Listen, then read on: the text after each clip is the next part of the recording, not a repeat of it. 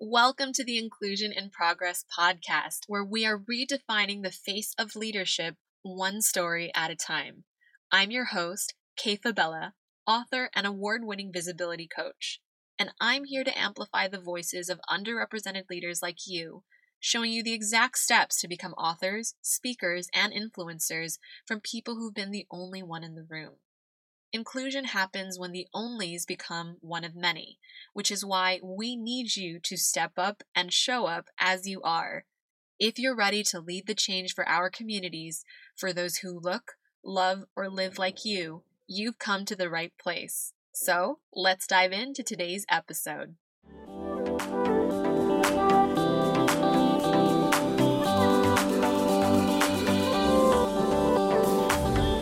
Episode of Inclusion in Progress, we're pleased to welcome Noemi Jimenez. Noemi is the co founder of QB Consulting, a strategy and communications firm at the intersection of inclusion and sustainability. Noemi grew up in a biracial, multicultural, interreligious home across the US, Ecuador, and Canada. Today, she lives in Texas with her Indian American partner and their almost two year old, and we're so excited to have her on the podcast to talk about what it is to be a multi hyphenate and the importance of humility in the diversity, equity, and inclusion conversation. So, let's dive into today's episode. Welcome back to Inclusion in Progress. I'm excited to have with me Noemi Jimenez of QB Consulting on the podcast today. Thank you so much for being here. Thank you for having me, Kay. So, could you please tell us a bit about you, your work, and how you got started in QB and just your amazing story? I know we've had several conversations before we hit record on this podcast. I want to do it justice because there's so many layers to it. So, tell me how you came to the work that you do with DEI and, you know, what your journey has been so far. Yeah, thank you. So, I'll tell you a little bit about myself first, and then I'll tell you about how I got into the work. And, and I think you know who i am and where i came from is really important context into why dei matters to me. So i was born to immigrant parents with very different backgrounds and very different paths to the us my mom's a cuban jew who was born in a small town in cuba um, to turkish immigrants who were, actually first cousins. And then her dad uh, was born to polish lithuanian immigrants and they just lived in a really small town. Um, eventually they decided to move to brooklyn where my mom grew up and my mom actually left brooklyn. She kind of rejected the whole jewish community and uh, was very hippie moved to massachusetts for college and then eventually made her way to the bay area where she met my dad. And my dad is from guayaquil ecuador. He is from very humble beginnings. Um, my grandma was a public school teacher. My grandfather worked his way up to be uh, a naval captain both very smart, uh, hardworking people. My grandmother actually raised eight children, a lot of times by herself. Wow. my grandfather was on, yeah, on long trips overseas. And it was seven boys and one girl. So it was a lot of work. And then my parents actually met in the Bay Area. They moved in together after just two weeks of knowing each other. They got married after a year, and then a year later, I was born. So it, already it was just like such a mix of cultures and backgrounds coming together my mom went to i said went to school in massachusetts. She finished in four years but my dad had actually had a longer path to finishing his um, his undergrad. He went to military academy in upstate new york and he hated it. He dropped out after about a year and moved to california. He couldn't really afford school. His parents couldn't help much either so he started working in a restaurant as a dishwasher and slowly convinced them to let him cook um, and the whole time he was taking classes at San Francisco State, kind of paying for school, working at a restaurant, and finished his undergrad degree that way. And um, I think eight years it took him. And I was born after he graduated. So I was born into a house where they were definitely struggling to make ends meet and um, and pay the bills every month. Um, but as soon as he got his first job out of school, which I was I think about a year or a year and a half old, that really changed my family's financial situation significantly. Um, we moved to New Orleans when I was four, and my baby sister had just been born. And we bought a big house near Tulane in New Orleans. And to me, that felt just giant. I remember feeling like, wow, this is a mansion. Um, and so we were really living the American dream.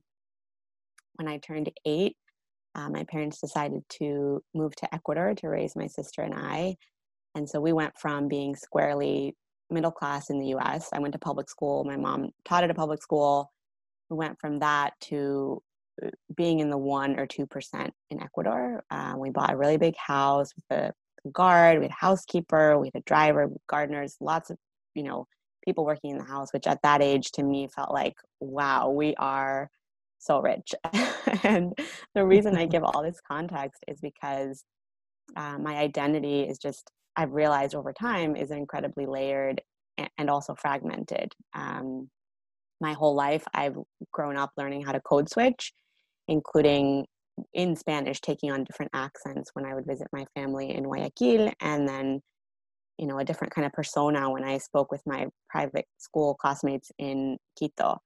Um, and and my understanding of race has been informed by growing up in the South, in, deep, in New Orleans, where my best friend was blonde, and people would say things like, "Oh, like you guys are so cute. You're sugar and spice, or you're day and night." And of course, I always wanted to be the sugar, not the spice. I wanted to be day, not night. Um, and this was at a young age. So, you know, then moving from that to Ecuador, where all of a sudden I was practically white, or I didn't even really think about my race because I went to private school and I had a ton of privilege all of a sudden. My mom's Caucasian. Um, most people I went to school with were also Caucasian. Um, so, you know, I I had a different understanding of who I was, but I I never quite felt like I belonged in any room that I was in. Um, so when I moved to New York, all of a sudden I had a new identity. I wasn't like a lot of the other international kids, uh, and, and I moved to New York for college. Um, the thing is, I wasn't actually from a powerful or wealthy family. Uh, my dad's family, again, very humble beginnings. He took out loans to help pay for very expensive tuition for private school. Um, and so, you know, I had a lot of experiences on campus when I was an undergrad feeling like I was trying to find where I belonged and I I never could quite find that and and I, you know, I later realized my identity was so layered and fragmented that um, I was often code switching. So when I learned the terminology, when I learned what code switching meant, it was kind of like everything clicked, and I realized, um, you know, it's not as simple as I'm this or identify as this because they're in every room.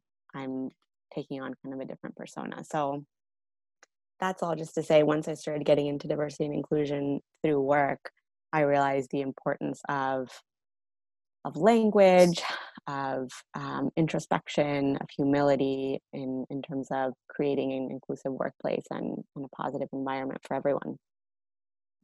It's such a cool story. I get goosebumps every time I hear it.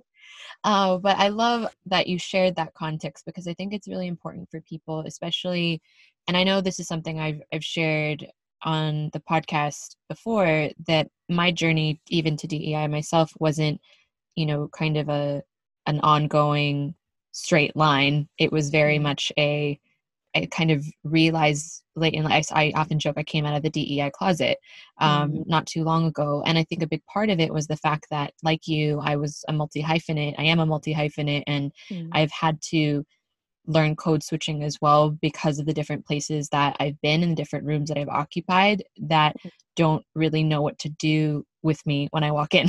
they don't know how to fit me into this clear box. And so I think that's really important to share with people the context of you know within DEI we kind of tend to focus on groups within it that are monoliths but there's also so much subtlety and nuance for each of us who are finding our own journey even supposedly quote unquote underrepresented groups or people who are um, almost deemed the spokespeople for for this mm-hmm. work right? So i love that you dove into that and i love that you shared that. And i know that you have so much knowledge that you can share with us today but i'd really love to dive into a point that you mentioned about humility. And i think that's such a key critical component of dei work of especially for a lot of folks who listen to this podcast are you know either want to be allies and they're looking to inform themselves and almost in a safe way learn the vocabulary to be able to enter into conversations or they're Mhm. minority professionals or minority leaders who are listening who are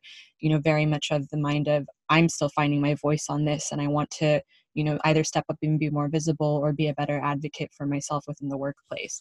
And, and i think that's such an important angle to touch on this idea that you are just not going to have all the right tools or you're not going to automatically know what your voice is or what you want to say around it. So i'd love to hear you know why is humility such a critical component of the work that you do and the work that you encourage your clients to do as well?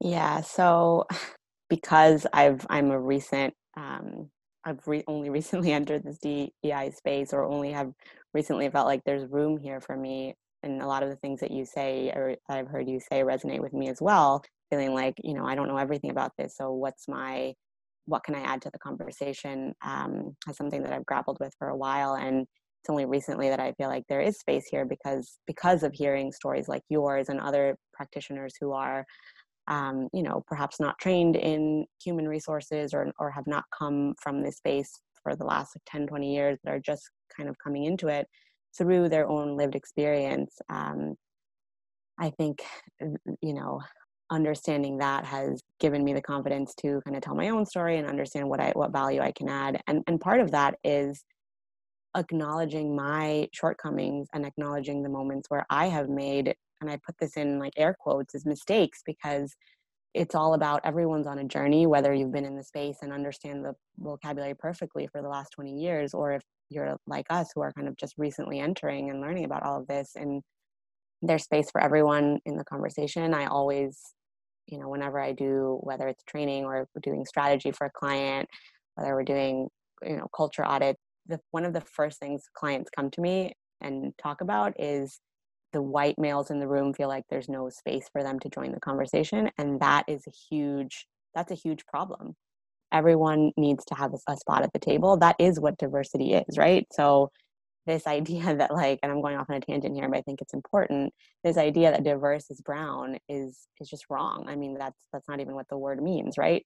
Diverse means a mix of people who are bringing different things to the table and so, the more that us as practitioners or quote unquote experts, consultants, leaders, thought leaders in the space can acknowledge that where our shortcomings are and that we're not perfect and be vulnerable and, and humble, the more room there is for everyone to participate. And those people who are feeling most nervous about saying or doing the wrong things, the the you know the more they're able to come out of their shell or come out and ask the questions that they feel might be silly or make quote unquote mistakes because that really is the only way we learn. Um, I love when I hear people who are, again, quote unquote experts talk about moments where they did something that was cringeworthy or they did something where they were called out on a stage in front of other people. Um, those are the stories where we find connection and, and we can, it's really humility exemplified. And I try to tell those stories as often as I can, especially if it's in the context of you know on a panel or or when i'm doing a talk or or a training because even if no one says anything you know that people are sitting there silently thinking okay you know i've been there and, and i can understand that. And and the more we acknowledge that as thought leaders in the space the the faster we'll get to to behavior change. I love that. I think that's that's so critical is to share like you said moments of vulnerability and moments of we're still figuring this out ourselves and it's important, I think, for people to realize that even the experts who've been doing this for 20 years are also learning the vocabulary alongside us, right? Because Mm-hmm. everything evolves, culture evolves, culture changes. And it's just this this simultaneous uphill battle against you know trying to fight for what we're all fighting for which is inclusion but also an uphill battle with the kind of nuance and understanding of of as things shift and as things change i know for example i joke about the fact that my niece is turning 18 and she showed me TikTok for the first time the other day, and I was just like, "What? Like, what are you guys talking about on here? Like, this idea of non-binary was just mind blowing for me when I Mhm. first when she first showed it to me, and just like how just innate it is in in her vocabulary and her understanding of the world, and how for me that's that that's still something that i'm learning and i'm very humbled by and i'm, I'm looking to other experts to teach me on and continuing to inform myself um, so that's just one example but i'd love to hear you know speaking of mistakes or you know i guess learning moments we'll reframe it as learning mm-hmm. moments on the journey mm-hmm. um, you know that you share either in workshops or that you'd be willing to share here that have made you a better practitioner as a result yeah, so one that's fresh and top of mind is um, I won't say who, but we have a board member who's just an awesome woman who I admire greatly.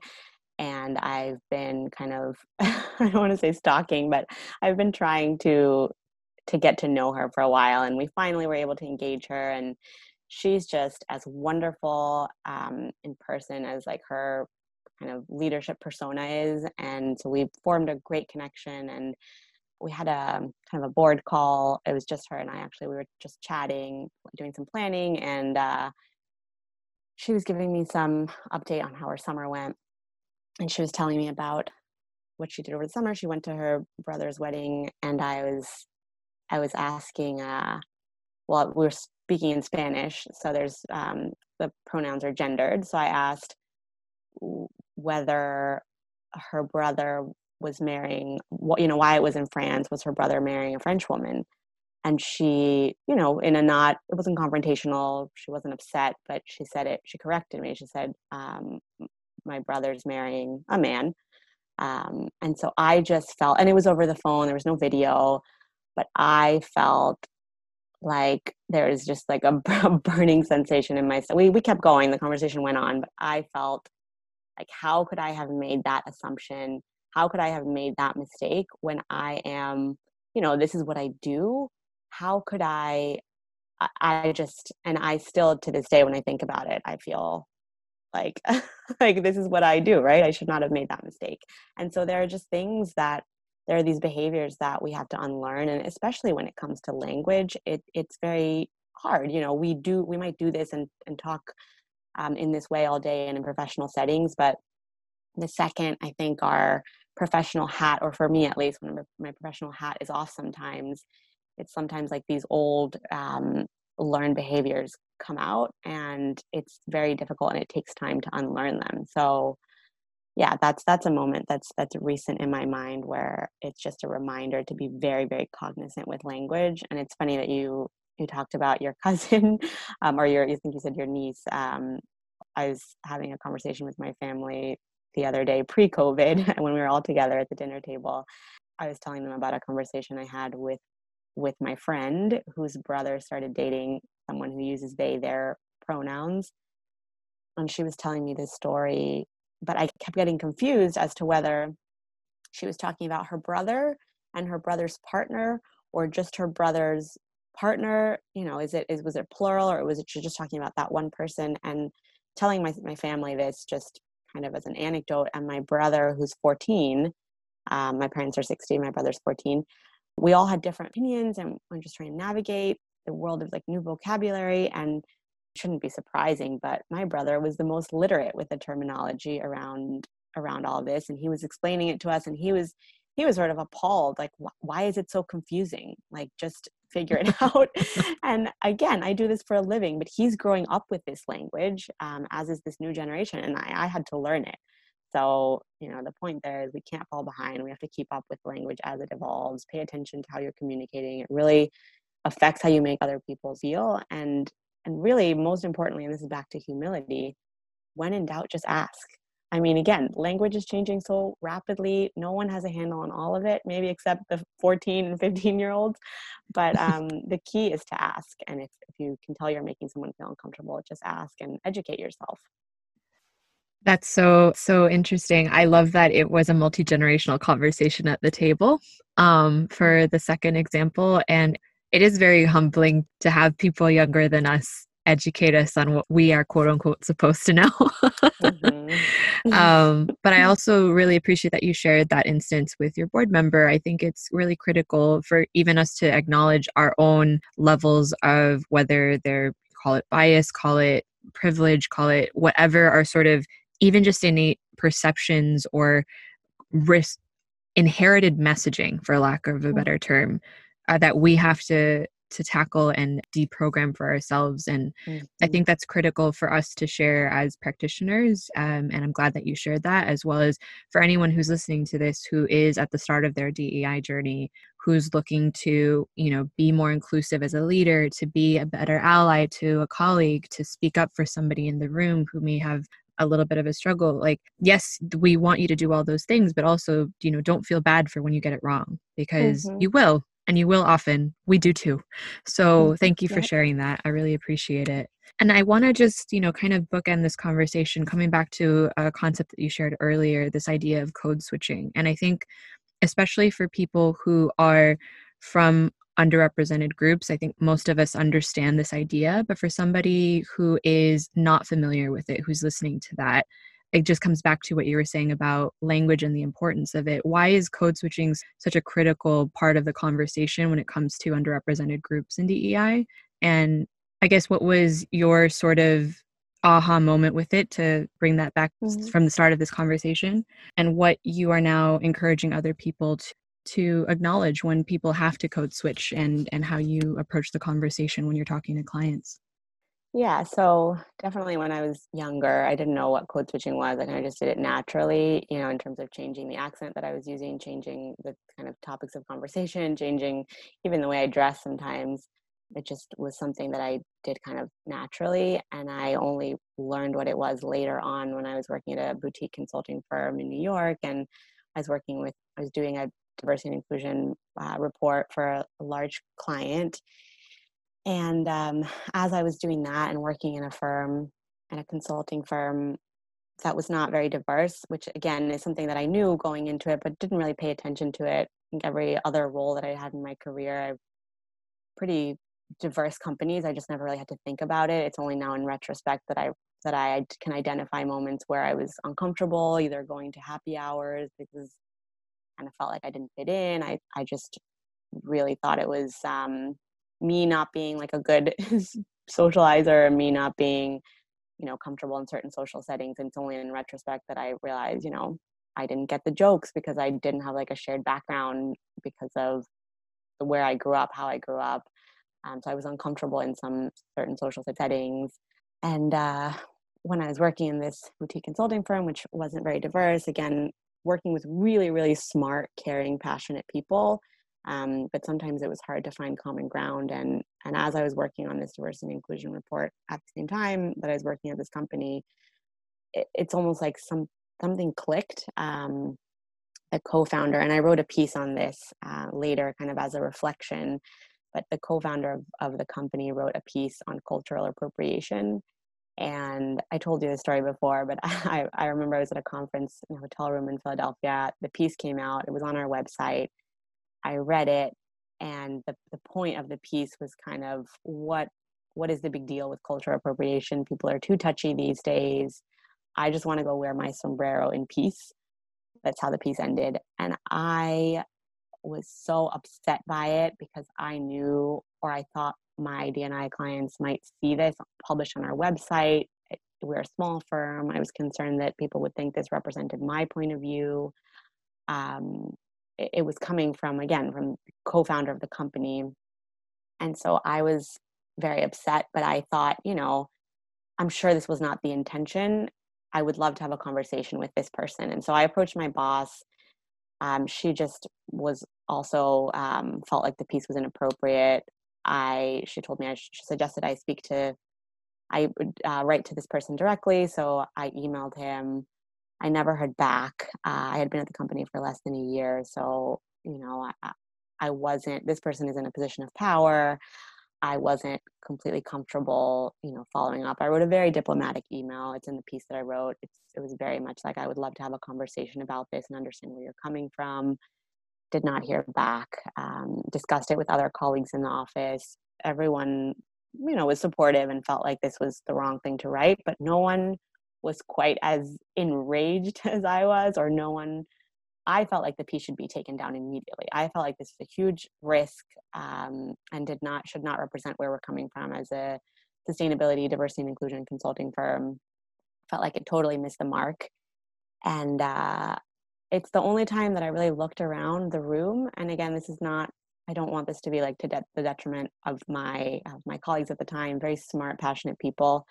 I just felt like I it was the first time where I realized I was the only person of color in the room, and all of a sudden it mattered, and things clicked, and uh, and and I will never forget that feeling. Um, and it's the first time because I was also working on with this diversity inclusion client and seeing everything that this company was doing to to ensure inclusion and equity at all levels of the company and it really it sparked something in me that made me realize the importance of this work and it made me realize that I had been code switching and trying to play a role or trying to be a person that I wasn't in the office um, wasn't able to bring my full self to work. All of these all of these terms all of these things that you hear hadn't really mattered to me before but all of a sudden did. And uh, that's when my partner and i decided we were going to go off and do this on our own. And one of the main reasons we did this was we looked around the space and saw that all of the other consulting firms in our space and i'm talking about our space is environmental social governance sustainability corporate responsibility consulting were run by older white men. And we wanted to do things on our own terms. We wanted to create a space where women could take leave, have flexibility after having children, where people could work you know the hours that were that worked for them where we could build diverse teams for our clients and where we could be ourselves all day every day. Um, and and that's why we started the firm and we have not looked back. We do that in everything we do. We try to bring that to life in our website in our interactions with our clients and we've felt that our clients have responded really well to that which is so gratifying because we are unapologetically ourselves in in every interaction and it's been been a crazy journey but it's been great and I shouldn't use the word crazy. Speaking of language, it's something that I'm trying to unlearn is to not use that word. Um, but it's been a roller coaster of a ride. I love it. I, I think there's, thank you for sharing that whole journey with us as well. I think it's important for people to realize that, you know, we ha- we each have our own lived experiences, but especially when you happen to be a minority in the room, this is exactly what I talk about in the podcast all the time. When you are an only, there's just something about you know the fact that even your emotional reaction compared to the people around you just because of your lived experience and because of what you were aware of and the lens that you saw the world through it, it's just it's indicative of just how much more work we still have to do right in terms mm-hmm. of making sure our teams are balanced making sure everyone from different backgrounds races cultures genders all across the board everyone um, feels mm-hmm.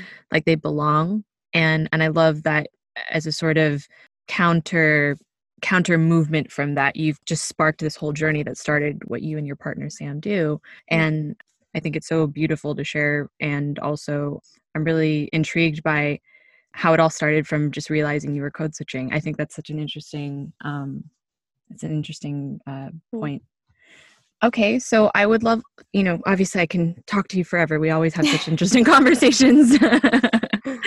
um, and I wanted to make sure I got some of that gold on the podcast today. But just kind of to conclude this, I, I love to, for anyone who's listening, no matter where they are on their journey, because as as you and I have both shared, we're both on it. We're very much in it, and we know that we're not perfect, and we're trying the best that we mm-hmm. can. Um, but for anyone who's listening who is on that journey, whether they're starting or still kind of finding their footing in it what would be any final thoughts you would give to somebody around you know the importance of humility the importance of empathy the importance of just understanding that people are going to make mistakes and the intention is more valuable than the actual um you know trying to measure your standard of wokeness in that moment um any other final thoughts that you want to wrap up with for anyone who's listening today yeah, a few things. Um, I think we, you know we talked a lot about language. I think being thoughtful in language is is twofold. One is educating yourself on the way people like to be addressed, but then the second part is not assuming. And if you're doubting or you're not sure how you know to address someone and they haven't told you, it's okay to ask. Um, and and you will make mistakes, whether it's language or whether it's it's behaviors and the faster you are able to say sorry, even if you don't fully understand, um, you know, the faster you can sort of move forward and then go and educate yourself. If you did something and you made someone feel upset by your behavior or something you said, just take their their reaction at face value and even if you don't understand in the moment, go back and do your own research. Google anything, any kind of anything you've said that that doesn't feel right. There's plenty of literature online. I think Medium is a great place to to go for um, for that kind of content educate yourself and then uh, try to understand why why something bothered someone. Something that i we suggest folks to do when we're um, when we're in client settings is take a minute and open your favorite social media app. If you scroll through your feed and ask yourself does everyone i follow look like me? Does everyone have a similar background to me? Do they think like i do? Do i follow people of different um, gender identities? Do i follow anyone with a veteran status? Do i follow people living with disabilities Native American community members, you really think about that and, and look at your social media feed with that lens. Sometimes diversity is not available to us in our daily lives, especially right now as we're recording this during COVID, where you know we're we're self quarantining. But it, diversity is certainly available online um, through social media, and so that's another thing that we ask people to do. And then I would say the last one, especially coming from me, someone who is a multi hyphenate, is not to assume don't reduce someone to one facet of their identity it's easy to make assumptions about you know the way people look and but every identity has complexities that are not visible. Someone could be adopted or victim of sexual abuse first generation college student pregnant you know you don't know what's going on in someone's life and so don't assume as much as possible because we all have biases Thank you for that. I think it's such a great way to to end our conversation today and I obviously want people to continue to engage in this conversation with you and learn from you. So where can people find you and connect with you online?